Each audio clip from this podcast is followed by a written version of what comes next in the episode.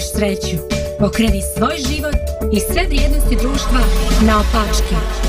I tada ćeš pronaći sreću. Program na opačke. Dobro jutro, dragi gledalci i slušalci Radio Pomirenje. Evo i ovu sedmicu počinjemo zajedno sa vama. Pozdravljam u studiju mog, kolega, mog kolegu Zdravka, koji nam se vratio ponovo na posao. Evo zdravke, ko za zdravka pita, po onako po narodni, ono, starinski. Pa dobro, Zdravko, pošto ti je ime Zdravko, znači nemoj da brineš o bolestima, tebi ime sve predodređuje. Nadamo se da je tako uraz. Pa dobro, evo ova emisija također će da pomogne svima nama da shvatimo da uvijek ima nade u životu. Emisija nosi naslov Jedna navika koja može da promijeni cijeli život. I nije nikakva šala, nije nikakva floskula, postoji jedna navika koja može stvarno da promijeni naš život, a saznaćete u toku emisije o kojoj se to navici radi. Ali evo zdravku da ti pročitam nešto što sam pročitao prije nekog vremena. Kaže, dva prijatelja sreli se na ulici. Jedan od njih izgleda tužno, gotovo na ivici suza. I njegov prijatelj ga pita, pa šta je prijatelju, šta se dogodilo? A ovaj odgovara, prije tri nedelje umro mi je ujak i ostavio mi 40.000 eura. Pa kaže, pa to je puno novaca, pa što si tužan? Kaže, ali prije dve nedelje umro mi je rođak koga nisam poznavao i ostavio mi 80.000 eura.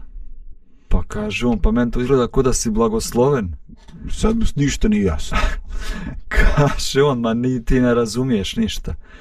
Prošle nedelje umrla mi je tetka i naslijedio sam 250.000 eura. I ovaj ništa ne razumije i kaže, pa sad sam stvarno zbunjen. Pa što onda izgledaš tako tužno? A ovaj ga gleda i kaže, ove nedelje ništa.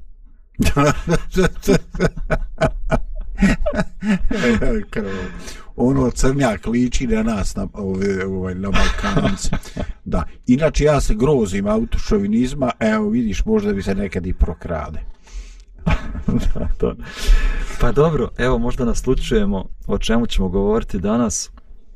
A, zašto imamo tendenciju da budemo nezahvalni u životu? Zašto imamo sklonost da uvijek vidimo čašu dopola praznu, a ne dopola punu? Zašto sklonost da negativno gledamo na život, da gunđamo umjesto da budemo zahvalni? U, zašto? Pa teško ti je pitali uraz. Zašto? Ovaj, e, ne znam, ovaj, mi nekako sve što je dobro podrazumijevamo. Mi podrazumijevamo da se svako jutro budimo, da možemo hodati, da, E, da čujemo, da vidimo, da imamo ravnotežu, da nas ništa ne boli. Mi sve podrazumijevamo dok nešto od toga ne počne da ovaj, e, ne počne da štrajkuje nešto od toga, ne počne da zapinje. Ovaj, I onda ću reći, ovaj, ja se čitav život interesujem za neke funkcije, kako radi ovo, kako radi ono, pa se interesujem i kako neke stvari rade u našem tijelu. Ali ovaj e, priznaću, dogod neke stvari kod mene nisu krenule kako ne treba, ja jedva da sam znao za naziv, naziv nekih organa, žlijezda i tako. Ovaj jednostavno e, mi vi gledamo ono čega nema i žalimo a kad to postoji mi to podrazumijevamo ovaj i ne osjećamo ne osjećamo poriv da se nekome ili nečemu zahvalimo za to što jeste i što ima. Mm -hmm. Znači, dok ne izgubimo. Ne znaš koliko sretan dok, dok to što imaš ne izgubiš. Da. Pa hajde malo da definišemo prvo šta je zahvalnost. Mislim, kad smo mi zahvalni? Zahvalni smo kad dobijemo nešto. Kad je nešto poklon. Kad ne znam, kad kupim nešto na ovom Olexu i kad mi stigne poštom, nisam zahvalan. To sam platio, šta ću biti zahvalan za to? Ali kad ti neko da neki poklon, onda se osjećaš zahvalnim i želiš da zahvališ, izražavaš tu zahvalnost. Barem ja to tako vidim. Znači, zahvalni smo za neke stvari koje dobijemo besplatno, koje su dar. Jel se slažeš s tim? Pa, e, pa ajde da kažem da se ugla, uglavnom se slažem, u najvećoj mjeri se slažem, ali ovaj e, opazio sam nešto što s čim se ja ne hvalim znači možda više to vidim kao neki svoj nedostatak ovaj e, kad se radi o stvarima ovaj i pogotovo ovaj e, mi muškarci to su odrasli dječaci i oni imaju neke svoje igračke. I onda ti ovaj e, želiš nešto želiš neku finu ovaj ribarsku mašinicu ovaj nekada nekada jako davno ko je imao dam quick mašinicu rolnu on je bio baja razumiješ me ona i ovaj e, i jednostavno mi neke stvari e, želimo. Pa nekad su bili vokmeni pa bila razna čuda i to se mijenjalo i ti to vidiš i ti bi to želio. I mnoge stvari znači platio ne platio dobio ovaj mi mi to idealizujemo dok nemamo. I kad ovaj e, dobijemo malo se igramo i stavljamo da skuplja prašinu. A postoje neke stvari koje mi čak i platimo. Ovaj i onda puno puta naknadno kad god se sretnemo kad god se ovaj e, suočimo sa tom odlukom sa tom situacijom ovaj mi osjećamo zadovoljstvo. Dakle to je meni fenomen. Zašto su nekaj uspjeh, nek, neka dostignuća, ovaj, radost prestaje, kupiš nešto i, i već kad stigneš kuć pitaš se li to tebi stvarno trebalo, a za druge dugo vremena imaš ovaj imaš radost, zadovoljstvo. To je meni vas da ostalo, ostalo fenomen. Da, da, ma slažem se s tobom, samo što danas u emisiji ne, ne, neću govorimo o radosti, nego o zahvalnosti. Ovaj, naj zahvalni smo za samo za ono što dobijemo, što što je dar, što dobijemo. Međutim problem nastane u tome kad mi smatramo da život nije fair prema nama i kad smatramo da ništa nismo dobili i da drugi mnogo više dobijaju nego što mi dobijamo i onda to postane razlog naše nezahvalnosti zbog toga gunđamo u životu jer ne vidimo da nam je išta dato i da nam je išto poklonjeno. Ali evo ti si malo u, u tvom uvodu govorio da ipak postoje stvari koje su nam poklonjene, koje su nam date kao dar, samo što je potrebno da otvorimo naše oči i da vidimo te stvari. Ajde, možda do tome malo da pričamo. Šta je to sve što je nama dato kao dar, besplatno? Pa, e, ovi stari ljudi, ovaj, ova generacija 50+, plus, on će vam reći da je veliki blagoslov kad se ujutru probudiš, a ništa te ne boli. Ovaj, I mislim da jako malo mladih ljudi e, može se suočiti sa tom, sa tom istinom. Ovaj, e sad, kad uđeš u neke godine, kad ti treba ovaj, malo generalni remont ko autu, jeli, 20 godina starome, ovaj, ti onda se probudiš, kaže, čak, čak sam hvatao sebe, E, kaže, u čoveče već mjesec, dva me uopšte ne boli to nešto što je, e, aj nije bilo strašno, ali mi je stvarno nervoz. Vid sad nemam taj problem. Ovaj, dakle, e, nekad je dovoljno odsustvo negativnog pa da si zadovoljan, sretan. A drugi put, sve što imaš i sve što je lijepo, uopšte ne prepoznaješ to što dobiješ. Aj recimo ovako, probudiš se ujutro i pogledaš kroz prozor, a ono plavi se nebo. Pa je to dar? Jeste. A gdje mene nađe? Pa ja sam u djetinstvu, jedna od aktivnosti je bila da pobjegnem negde u šumu na šumski proplanak, da legnem tam među one šumske jagode, da uberem dvije, tri, osjetim ukus na, na nepcu i gledam u to nebo i nikad ga se nisam nagledao. Znači, ta, ta neka dubina, pa čak i zvijezdano nebo noću, ali ajde da kažem sve te nijanse plavog, ovaj, mene su uvijek ushićivale i koliko, otkad pamtim za sebe, od ranog djetinstva do ovih godina, ovaj, nije ovo starost, ovo je samo ono zrele godine, ili tako. Ovaj, e, mene je to uvijek ta jedna stvar me fascinira. I stvarno sam, kažem, strašno je ako to neko ne može vidjeti. da, ali to može svako da vidi, samo što mi nekad spustimo pogled pa ne gledamo. A mislio sam na one ljude koji su imaju oštećen vid. Koji imaju oštećen vid, jeste, ali eto i oni imaju mnoge darove. Uh, ajde, pričaš o njima, muzika, oni čuju. a, i doživljavaju muziku na potpuno drugačiji način nego mi koji koji imamo vi, njihov, njihovo čulo sluha je mnogo više istančano, oni mogu u prstima da osjećaju tu energiju muzike koja se stvara. Hoću da kažem, svuda oko nas toliki blagoslovi. Pro, pogledaš planinu, pogledaš pticu koja leti, pogledaš cvijet, pogledaš sunce, pogledaš plavetnulo neba, sve oko nas je tako čareb, čarobno i sve je to dato nama kao dar. Ogroman razlog da, da budeš zahvalan ne znam, kad se probudim ujutro, pa ja jutro sam se baš molio Bogu i kažem, Bože, hvala ti za ova 24 sata što si mi dao da ja učestvujem u tom tvom čudesnom dijelu stvaranja. Što mogu danas da gledam, da dišem i da i ja na neki način doprinosim tom tvom stvaranju. Toliko razloga da budemo zahvalni, ali mi jednostavno to ne vidimo jer gledamo nepravdu koja nam se dogodila u životu. Gledamo uvredu koju nam je neko učinio. E, gledaš neku malu kritiku koju ti je neko dao i cijeli život ti postane obojen kroz sve to. Ne vidiš ništa dobro, ne vidiš ništa kao dar da si dobio. Ja ne znam kako to nazvao.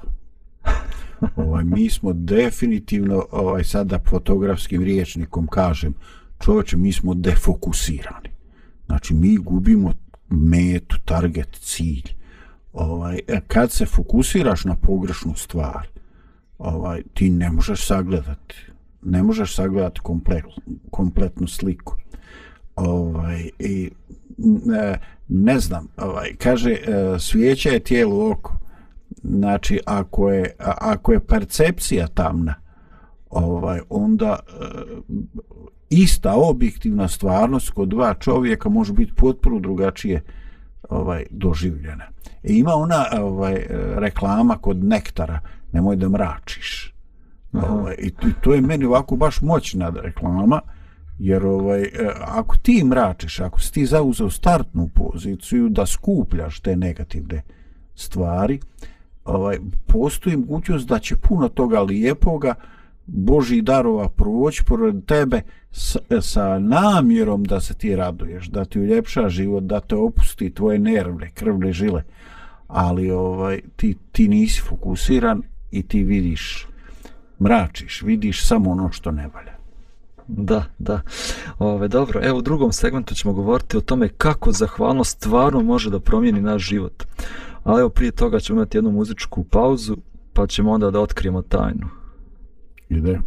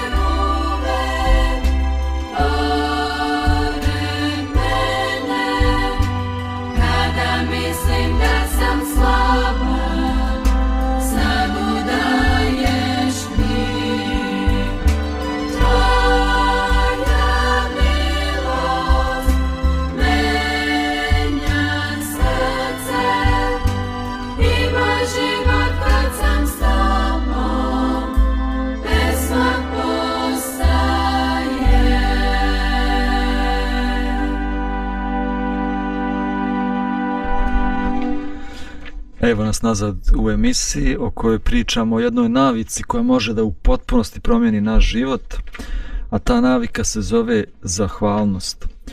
Čitao sam istinitu knjigu o čovjeku koji se zvao John Kralik. John Kralik je bio advokat kome je život potpuno, potpuno se raspadao. Ta njegova advokatska kancelarija je propadala i ljudi koji su radili za njega više nisu radili. Njegov drugi brak se raspadao i bio je u procesu razvoda. Sa njegovo dvoje djece nije ošte pričao. Sa najmlađom čerkom jedva da imao neki kontakt. Udebljao se 30 kg, zdravlje mu je bilo loše, izgledalo je kao da mu cijeli život se raspada. Inače mašta o tome da bude sudija, međutim svi njegovi snovi a, više nisu bili realnost, njegov život je postao stvarno katastrofa. I tako jednog dana, usamljen, šetao je šumom i onda je razmišljao šta bi moglo da se dogodi da, da bi moj život bio promijenjen. I onda mu je pala jedna stvar na um. Ako bih promijenio svoj pogled na život, i ako bih gledao na svoj život kao na jednu katastrofu, i ako bih bio nezahvalan, već umjesto toga, ako bih gledao šta je pozitivno u mom životu i šta je dobro u mom životu, možda bi to promijenilo stanje mog života.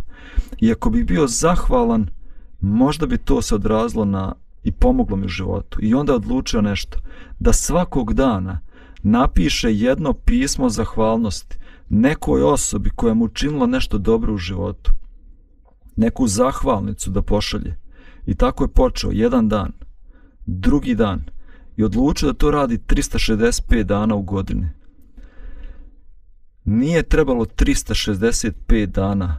Poslije mjesec dana pisanja zahvalnica, cijeli njegov život se preokrenuo.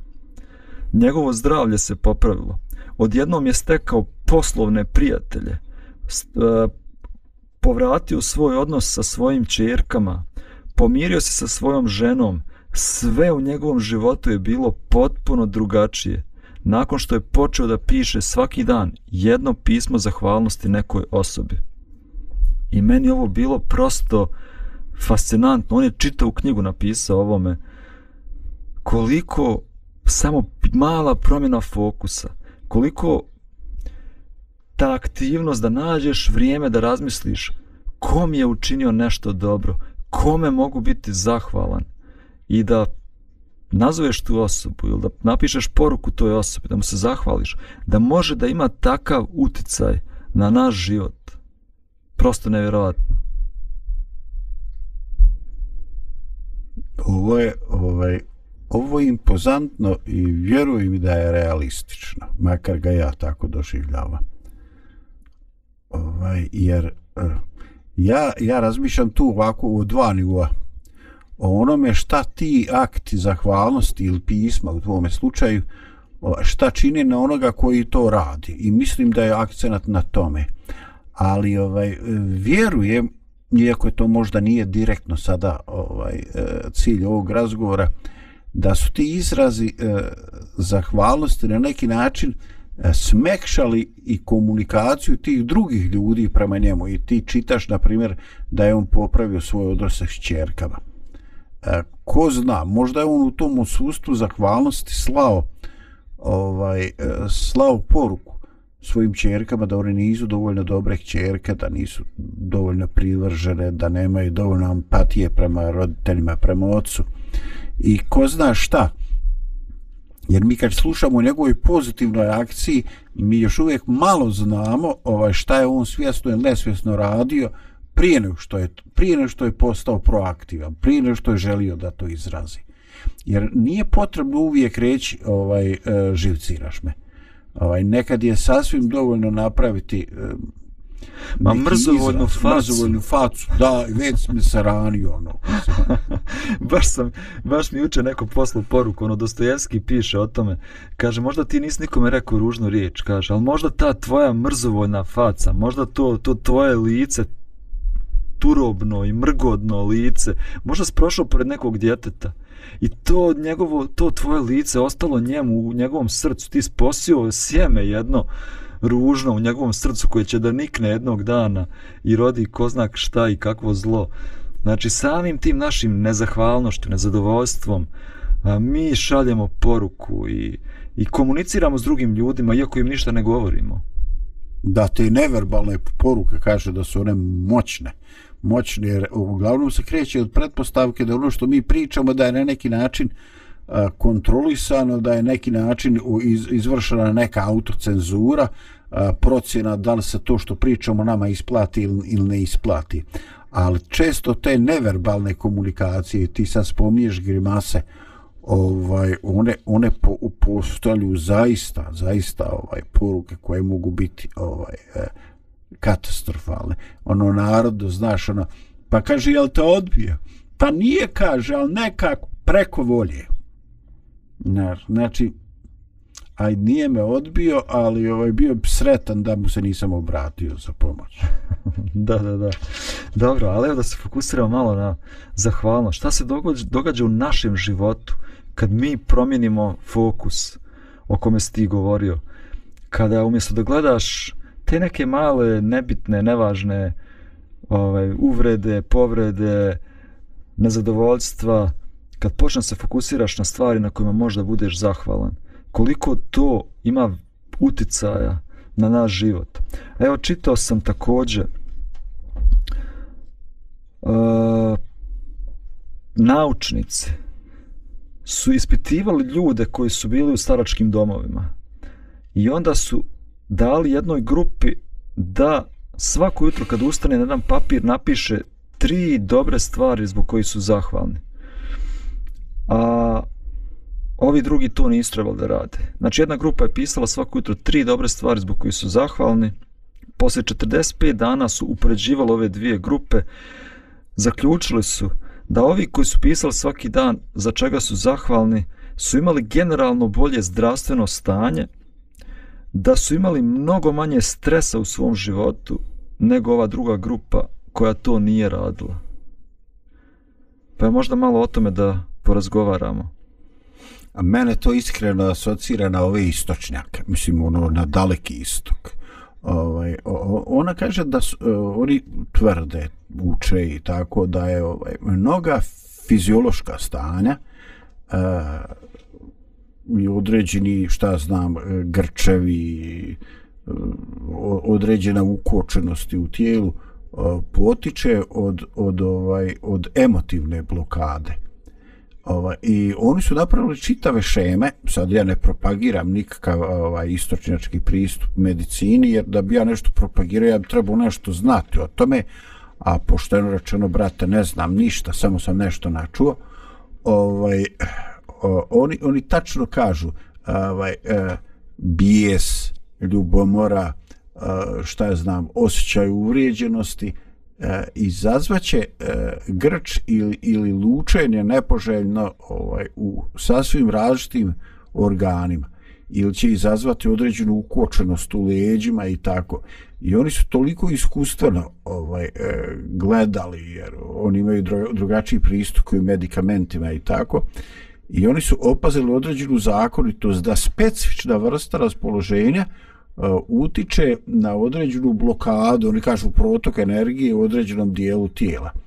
I ovaj e, i mi kažemo kaže ovaj e, iznervirao sam se želudac mi se okrenuo znači nije to samo istočnjački imamo i mi takva iskustva e, i onda kad se to odblokira i imamo ovu našu bostu kaže kad ti to halališ razumiješ? Va daj pa ovaj pređeš preko toga ovaj, ti ne samo možda da se potencijalno riješio neki neku konfliktnu situaciju nego si ti eh, u sebi tu neku kuočnicu, taj neki slobodan protok energije, tu neku funkcionalnu petlju u organizmu, u svom metabolizmu, otkočio ti možeš normalno da dišeš, da, ovaj, e, da se raduješ, tvoj uh, želudac ne luči previše neke ovaj, e, kiseline koje umjesto da, kvar, da vari hranu, počne var tvoj želudac, pa dobiješ uh, gastritis, pa kasnije dobiješ čir, pa ne znam šta sve dobiješ.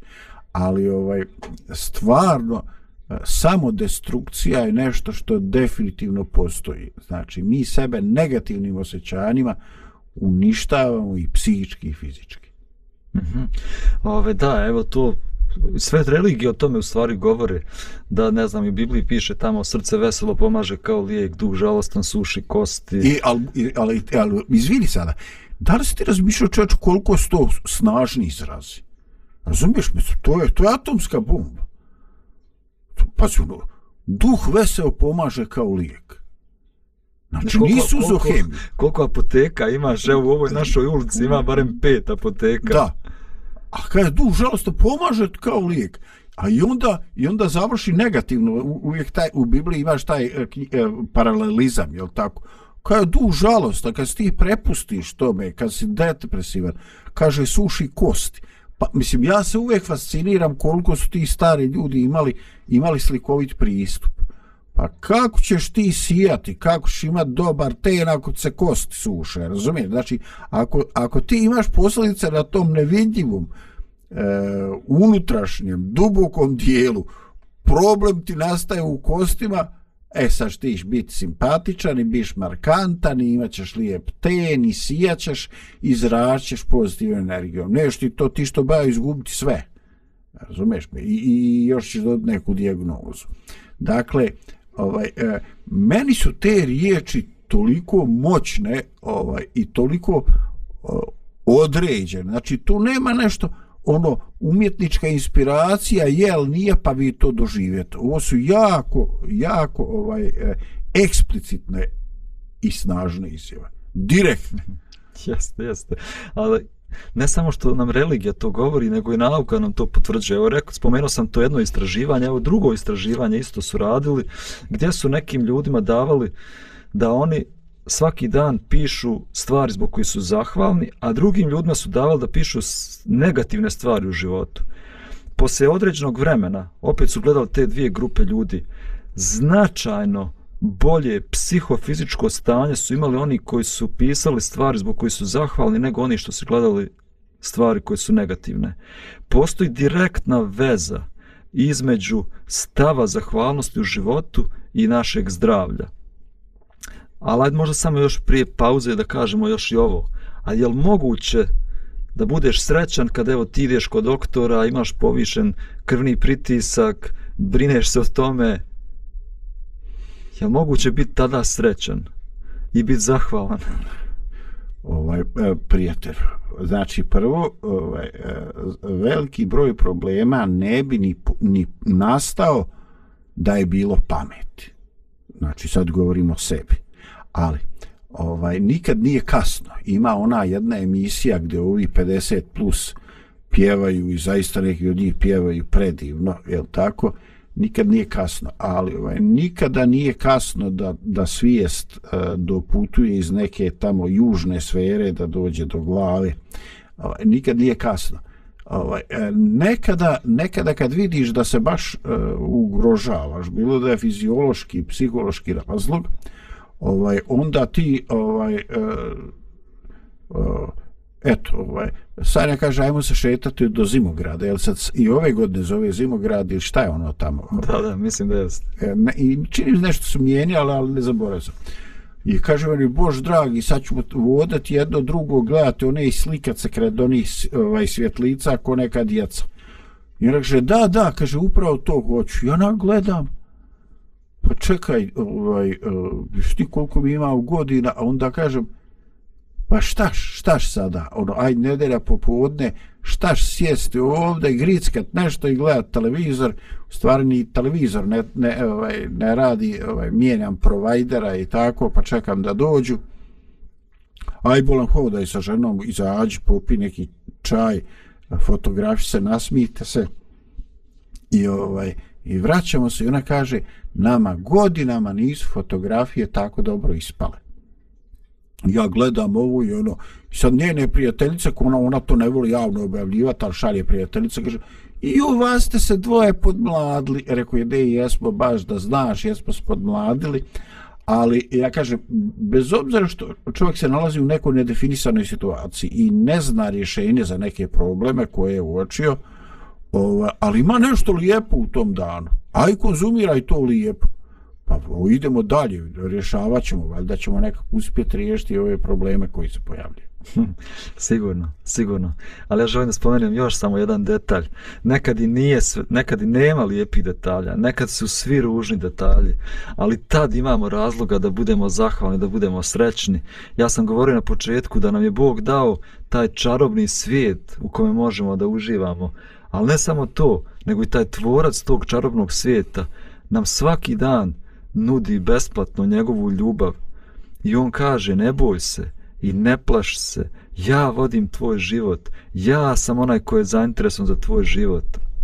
Nemaš razloga da se brineš u životu i to nam daje razlog i mogućnost da uvijek budemo srećni, bez obzira na okolnosti koje nas okružuju u životu. Ajde ovdje zastanemo da napravimo malu pauzu, pa ćemo onda nastaviti da pričamo o zahvalnosti. Hvalite gospoda, hvalite ga ljudi, hvalite neuki, hvalite premudri, aliluja. Hvalite ga deco i vi roditelji, hvalite angeli svetitelji, aliluja. Ono kiti zemlju cvećem šarenije, hvalite gospoda pesmama novije, aliluja. On oblači zemlju zimi snegom beli, hvalite gospoda životom sve celi, aliluja. Prolećem je rosi, kišom blagotvornom, hvalite gospoda pesmom neumorno, aliluja. On je letom greje i gromom je čisti, hvalite gospoda, on je uvek isti, aliluja. U jesen je kiti zrelim plodovima, hvalite gospoda, reču i delima, aliluja. On na zemlju siđe, da zemlju isceli,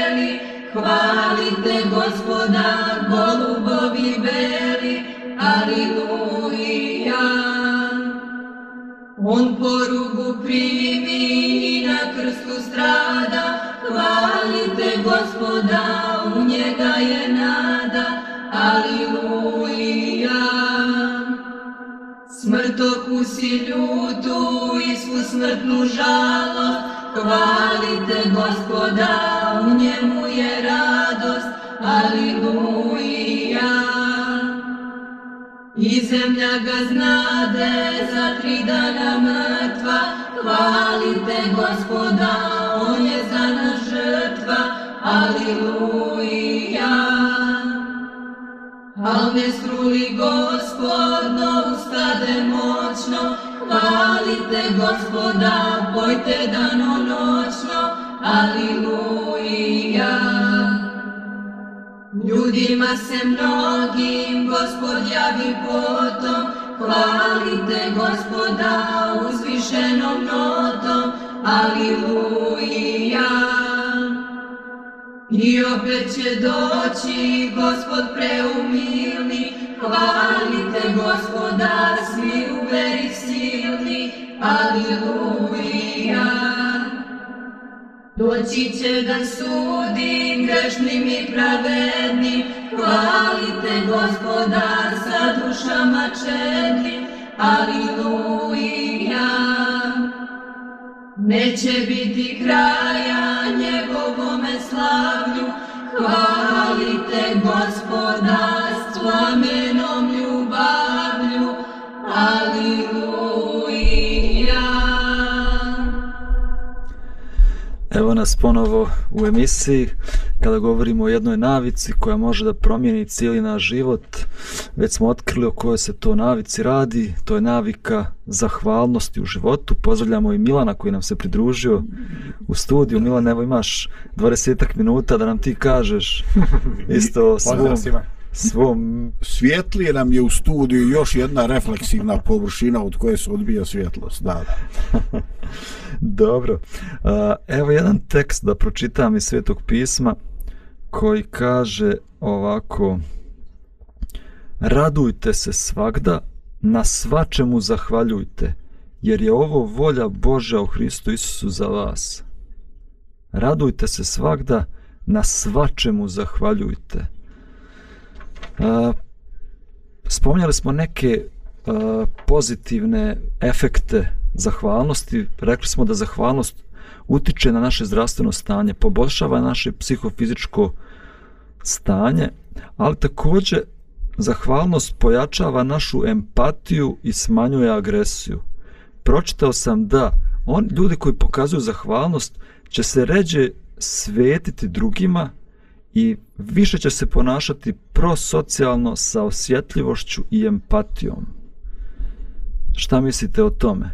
Da li je to stvarno istina? Da ljudi koji pokazuju zahvalnost u životu i koji su zahvalni, će se manje sveti drugima, manje će imati mržnje prema drugima i više će se ponašati sa empatijom i osjetljivošću prema drugima. Da, što bi rekao Fistik Fendija, bez belda je tako, ne mora biti nikako drugčije. Jer čim je on zahvalan, on nema gorčinu. To jedno drugo isključuje. Gorčina, nemaš zahvalnost. Jer, jer ti, ti, ti si nezadovoljan. A ako si zadovoljan, imaš neku radost, šta ima da svetiš kad si zadovoljan. Dakle, to je, to je fakat tako. Nema, nema, nema tu šta meni to ne, neosporno. Očigledno. I, i ovaj, ima taj element da da zahvalan čovjek ne zaboravlja blagostave svog života. On se, on se stalno uh, sjeća i, i, i, i ima pozitivno osjećanje u vezi njih. Dok nezahvalan čovjek on ne broji blagostave, on samo broji prokledstvo u životu. On samo gleda, a joj što mi ovo, što ja u životu nemam ovo, što je meno ovako, što je meno onako. I onda još kad mu neko sjedne na nažulj ili stane na stane nažulj ovaj e onda još si mi ti trebao saći e. ja onda, znači to iz tog nekog životnog stava nesahvalnosti dolazi kao što zdravko reče gorčina nezadovoljstvo i onda još kad tu neko dodatno doprinese namjerno ili ne namjerno onda dolazi želja za osvetom da se vrati toj osobi i tako dalje Ma ima tu jedan efekt zadnja kap u čaši ko što sam ti ja strašno rekao, samo sam se na, našalio ti čeč poludi, skačeš ono od zemlje, ono ko loptica, skočica. Pa da, možda i nisi, ali znaš ti koliko je meni njih od jutros načeplo. Pa kaj čak, ali nisam ja kriv koliko njih tebe načeplo od jutros. Ovaj, dakle, e, definitivno ta a, akumulacijona moć pozitivnog i negativnog djeluje na našu psihu. Šta skupljaš? Sigurno, sigurno. A, evo još jedna korist od zahvalnosti. Kaže ovako, redovno praktikovanje zahvalnosti će vam pomoći da duže i bolje spavate. Šta mislite o tome? Ljudi? Može još jednom, svakodnevna. Redovno praktikovanje zahvalnosti će nam pomoći da duže i bolje spavamo. Pa za druže ne treba, mogu da spavam sasvim dovoljno. Ovaj, e sada, da bolje spavam, to, to je već interesantno, da. Da, znaš ona priča, ono, ovaj, plitki san gdje se okreneš, okreneš se pa se probudiš, pa ovaj, a i ona je rem san kad se oduzmeš, kad nešto sanjaš, e, pa nakon toga se vjerojatno bolje naspava. Tako sam makar čito, nisam ništa mjerio u glavi šta se dešava. Meni zvuči da je to ovako zanimljivo, zanimljivo polje istraživanja za one kako se to kaže, naučnike koji se bave mozgom. Jer, sam, jer mi se zaista čini na osnovu ovoga što se pročitao da zahvalnost mijenja te e, moždane talase, kako se kaže, jer imaju neki alfa, beta i tako dalje talase i znam da su jedni, e, da jedni, da se jedni, da jedne mozak emituje kad je, kad je u nekom stanju opuštenosti. I meni se upravo to čini da, da zahvalnost uh, e, uvodi mozak. Onako, čini mi se na osnovu tih nekakvih, nekih reakcija koje, koje ljudi imaju na zahvalnost, da, da, da takvi ljudi imaju neko opuštenije stanje mozga i automatski to omogućava da bolje spavaju, da imaju da su manje nemirni u toku sna, da, da su bo, više opušteni, da imaju bolji kvalitet i dužinu sna. Da to. Super, super. Sad mi pada na pamet, neki ljudi se mole prije spavanja. A skoro sam isto pročitao, ne znam ko je to rekao, ako ćeš se ikad pomoliti jednu molitvu, neko to bude molitva hvala. O, kako je bilo dobro svako večer pomoliti se molitvu zahvalnosti. Pa jest. Da dobiješ taj mir, da se opustiš. Da. I da pobrojiš blagoslove koji si imao to dan. Makar to bili, makar to bili oni blagoslovi koji imamo svaki dan nije loše da se podsjetimo da mnogi ljudi te blagoslove nemaju. Imao sam danas šta da jedem, nije me danas ništa boljelo, mogao sam da hodam. Vidi, vidi, počne ove moje fazone, ove, ove staračke fazone počne poraspat.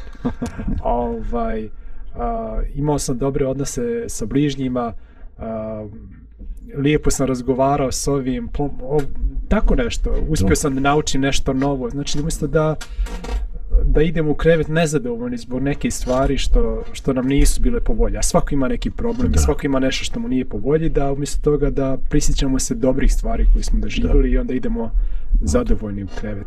Da, če, e, kaže, gore kod doma zdravlje u sad bili dobri će vapi, čoveče, ne za ne vjerujem.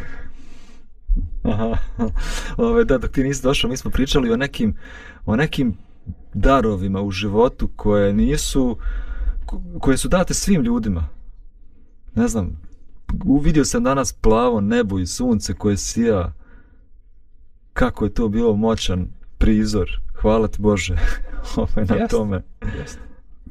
E, ali zviri, ovaj, ja sam jednu, jednu gotovo nepunu godinu proveo u istočnoj Njemačkoj. Ovaj, a onda sam e, slušao razgovor i gledao fotografije još sjevernijih krajeva gore, znaš, znači ne ono dole južno, Leipzig, Dresden, nego gore ono sjeverno prema Skandinaviji, ovaj, nemaju oni takvu boju neba. Ovaj, nemaju on tako plavo nebo. Gore nebo na sjeveru, ne znam, nemaju oni tako ovo što mi imamo ovde, ovo, ovo, je, ovo je predivana, ovo je rapsodija boja. Znači, nije svaki dio zemlje isti. Nije, ali svaki ima nešto. Gdje god sam bio, znači, svugdje imaš neka čuda koja te okružuju, čuda prirode, ne znam, u Engleskoj, oni imaju tako predivne parkove, svako dvorište, ti kad dođeš tamo, ti možda stvarno staneš i da gledaš u svako dvorište, da se diviš tom dvorištu, kako to izgleda i kako je to sređeno i kako je ta trava pokošena. I... Istečan utisak u Holandiji moj je bio. Da. Samo prođeš onako ulicom i nekako se već bolje osjećaš. Tako je to nekako napravljeno da pozitivno ja, djeluje. Ja, stvarno ja sam ovaj zapadni dio Evrope, jedan dio obišao, ali nisam bio tamo na ostrovu. Je, je, je li istina da oni kad kiša pada odaju u papučama vani i tako? Tamo kiša njima ne predstavlja problem uopšte. To ni, ali to nije kiša, pošto, pošto sam bio tamo, znači to nije sad kiša koja pljušti, nego ti uvijek neka kišca sipi, ovaj, oni su toko navikli na to da ne nose ni kišobrane. Kaj u papučama hodaju? je stvarno toliko blentavi. Englezi čim malo sunce izađe, oni odmah u kratke rukave, pa makar to bilo 10 stepeni ili 15 stepeni, oni su u kratkim rukavima. Ovaj, dobro, evo još nešto ćemo malo porazgovarati, pa ćemo na kraju da govorimo o tome kako praktikovati zahvalnost. Kaže ovako, ljudi koji su zahvalni povećavaju svoje samopoštovanje možda i zbog te njihove sposobnosti da cijene dostignuća drugih ljudi nekako se povećava i njihovo samopoštovanje. Ne vidim direktnu vezu između toga, ali je zanimljivo, definitivno je zanimljivo da ljudi koji izražavaju zahvalnost možda upravo zbog toga što što ljudi koji su fokusirani na negativno su fokusirani ne samo na negativne okolnosti života, već i na sobstvene neuspjehe slabosti. Na slabosti, na neuspjehe, na promaše u životu i tako dalje. Dok ljudi koji imaju stav zahvalnosti za, su zahvalni što su uspjeli nešto da urade. A, bilo da je to malo ili veliko, nije bitno. I automatski imaju veću dozu samopouzdanja zato što se oni sjećaju i stvari koji su uspjeli u životu da urade, ne samo onih koji nisu tako da to sad vidim sad vidim vezu da ispravo nisam ono ali okay. ali sad vidim vezu da Dobro, dobro. Znači, postoje mnogi, mnogi benefiti, mnoge koristi od stava zahvalnosti. Ajde, napravit ćemo jednu malu pauzu, onda ćemo u zadnjem dijelu da govorimo o tome kako da izražavamo zahvalnost. Mm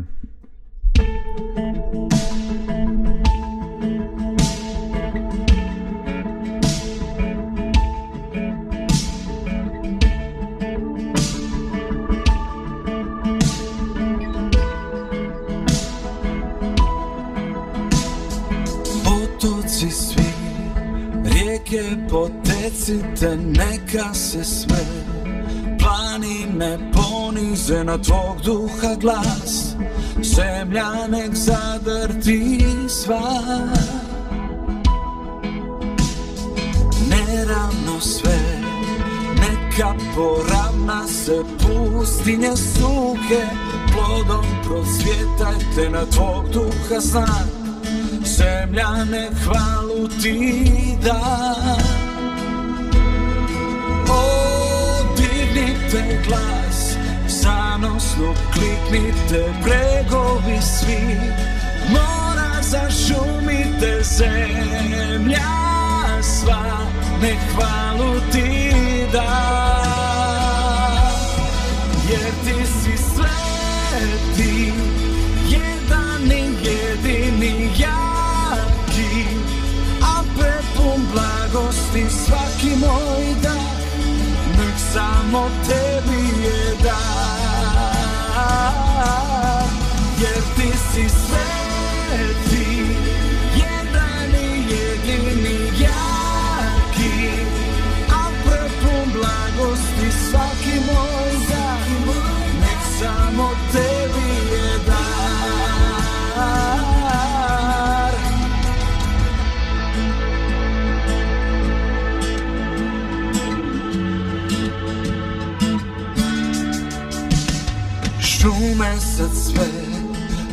Pustite korjenje, sve kosti suhe Neka sad ožive jer ti si kralj.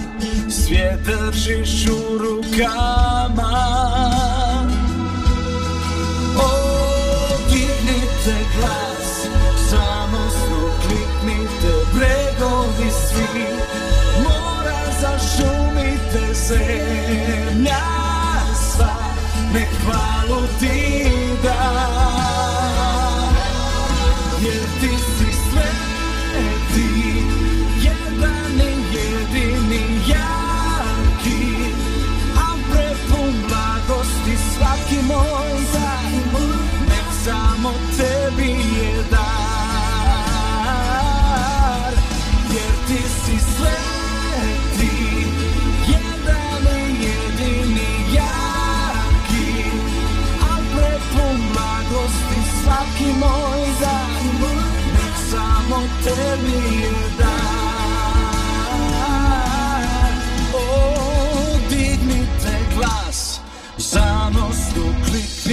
kliknite svi Mora zašumite zemlja.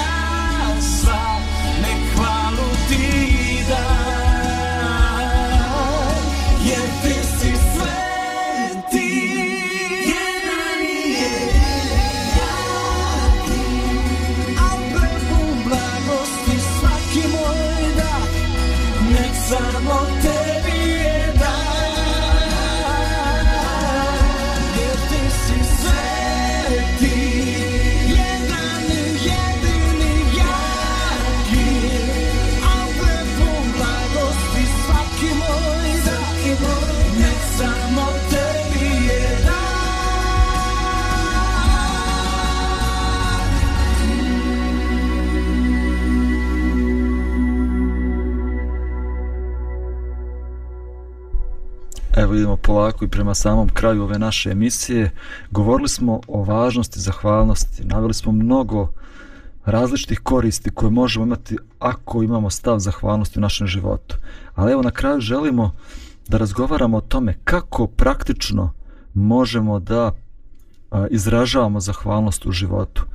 Dok ti nisi stigao, Milane, pričali smo jednom čovjeku koji se zvao John Kralik, koji je cijeli njegov život se promijenio tako što je počeo svaki dan u toku 365 dana jedne godine da piše pisma zahvalnosti. Mm. ljudima koji su mu nekad u životu nešto značili, učinili nešto dobro. Eto, to je možda jedna ideja svakog dana napisati jednu poruku zahvalnosti nekome kome nam je značilo. Imate još neke druge ideje kako bi se mogli da praktikujemo zahvalnost? Spominjali smo molitvu zahvalnosti na večer prije spavanja. Pa definitivno mislim da, da molitva je, je važan način zato što ljudi, pomoć ljudi i dobrotu ljudi doživimo s vremena na vrijeme. Ali ako se nam oči otvorene, možemo vidjeti e, Božju dobrotu i blagoslove svakog dana. Znači, od, počevši od onih opštih blagoslova za cijelo čovečanstvo koji si ti spomenuo, na primjer sunce, plavetilo neba, e, cvijeće, ljepota nekog pejzaža, planine ili tako dalje, pa do onih blagoslova koji uživamo svakog dana, tipa, ne znam, hrana, krov nad glavom, udovan krevet, grijanje ili tako neke stvari, pa do onda nekih specifičnih blagoslova kao, ne znam, nija, porodica, djeca, um, nešto što smo, neki cilj koji smo uspjeli da ostvarimo ili neki mali korak možda do cilja ima godinama, ali neš, danas smo uspjeli da nešto uradimo što nas vodi ka tome. Znači sve te neke stvari, ako smo zahvali za njih, um, stvari drugačiji duh u čovjeku i, uh, i jačaju i čovjekov doživljaj Božje ljubavi prema njemu lično i, Bož, i čovjeku u vjeru u Boga, a istovremeno ispunjavaju ga nekim duhom, pozitivnim duhom zahvalnosti, da ako sam primio sve blagoslove do sada, i ako sam uspio da uradim neke sve male stvari do sada, onda sigurno blagoslovi su i predamnom i dobre stvari koje još mogu da uradim. Super, šta misliš od jednom molitvenom dnevniku zahvalnosti? Mislim da je dobra ideja. Da svaki dan upisuješ jednu molitvu zahvalnosti, za čega si sve zahvalan? Hmm. Šta je bilo to u toku dana, za čega si zahvalan? Mislim da bi to bilo fantastično, jer poslije mjesec dana, poslije godinu dana kad otvoriš taj dnevnik, koliko bi vidio stvari koje si zaboravio, možda šta se dogodilo, a bio se nekad zahvalan zbog toga. Mislim da je to dobar, dobar primjer voditi dnevnik zahvalnosti. Ili imate još neku ideju? Pa eto, ajde kažem da mi se to jako sviđa. Ovaj, eh, postoji, eh, ajde ja sam kao ljubitelj, ljubitelj Njegoša, a i na osnovu vlastnog iskustva znam da stvarno dođu neki ovaj periodi u životu kad se čovjeku namaknu tamni oblaci i kad se ispostavi ono, mislim da sam prije ovaj, nekoliko dana rekao nada je nebo zatvoreno, ne čuje mi plaća ni molitve. Ovaj, zaista postoje neke situacije u, u kojima e, kao da su pozitivne stvari bivaju sklonjene iz čovjekovog vidnog polja. I ovaj e, dobro je da e, čovjek može naći, otvoriti nešto što je pisano njegovom rukom, što nije sugestija nekoga drugoga čovjeka, e, što je on opisao, on osjećao, on doživio i da kažeš, evo, bilo je. I onda da to nešto proizvede u njemu ono kao što je i rekao, pa ono, ženi kad je objašnjavao, pa ove lijepe stvari, ogromne blagoslove primali smo iz Božih ruku. A sad, ako iz neke promisli i nekoga nesretnog spleta okolnosti došao neki težak period, period iskušenja, a za nećemo i to primiti iz Božih ruku i jednostavno u zahvalnosti i dalje e, očekivati da će on to, bez obzira što tu nema ništa ovako o, lijepo i možda optimističko, da će to Bog izvesti stvari kako treba na kraj. I čini mi se da je to moćno upravo rad toga što to nije neko savjetodavna uloga, javi se ti svom psihologu, nego ti nalaziš tekstove koji su izrasli iz tvoga srca, iz tvojih osjećanja, iz tvojih misli, pa ako trenutna situacija nije slična tome, zašto ne da se ne povrati opet u nekom drugom obliku?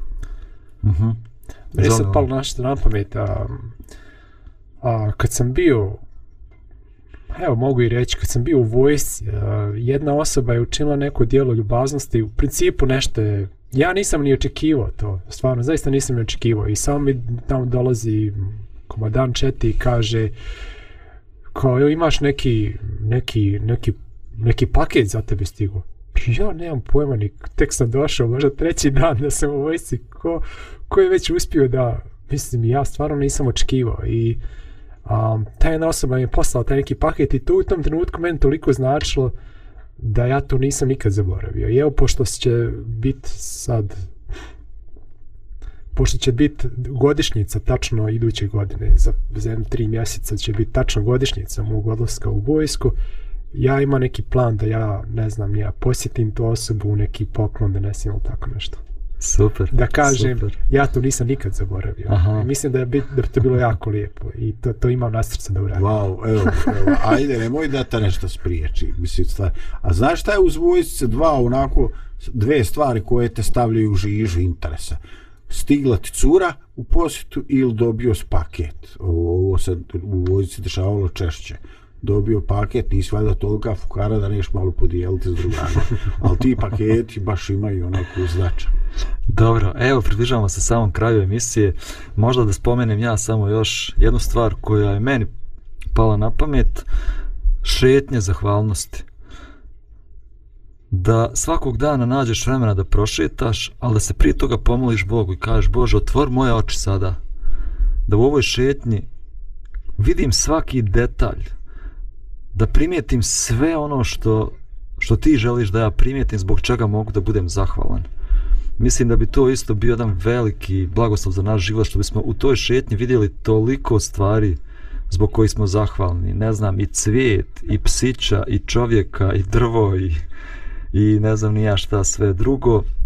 Pa evo, pošto se približamo i kraju ove godine, na početku svake godine donosimo dobre odluke, pa evo, naš prijedlog danas da kupite jedan dnevnik i da sljedeće godine, svakog dana, vodite taj dnevnik, dnevnik zahvalnosti, zbog čega ste sve zahvalni.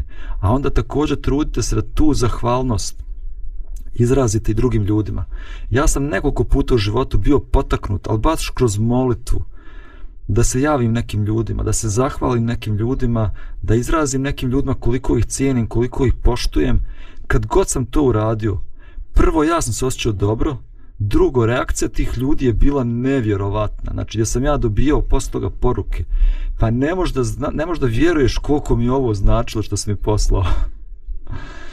Ove, ovaj, tako eto, trudimo se da promijenimo naš stav u životu, da, da mi budemo ljudi koji ne gledaju samo crno, koji ne vide čašu koja je dopola prazna, nego da vidimo čašu koja je dopola puna, da uvijek budemo zahvalni za stvari u životu koje, koje nas Bog blagosilja i da tu, a samim tim i ta zahvalnost i ta energija će se prenositi na druge ljude. Želim vam lijep i ugodan dan, dan pun zahvalnosti, a slušamo se i gledamo ponovo sutra. Do viđenja i slušanja.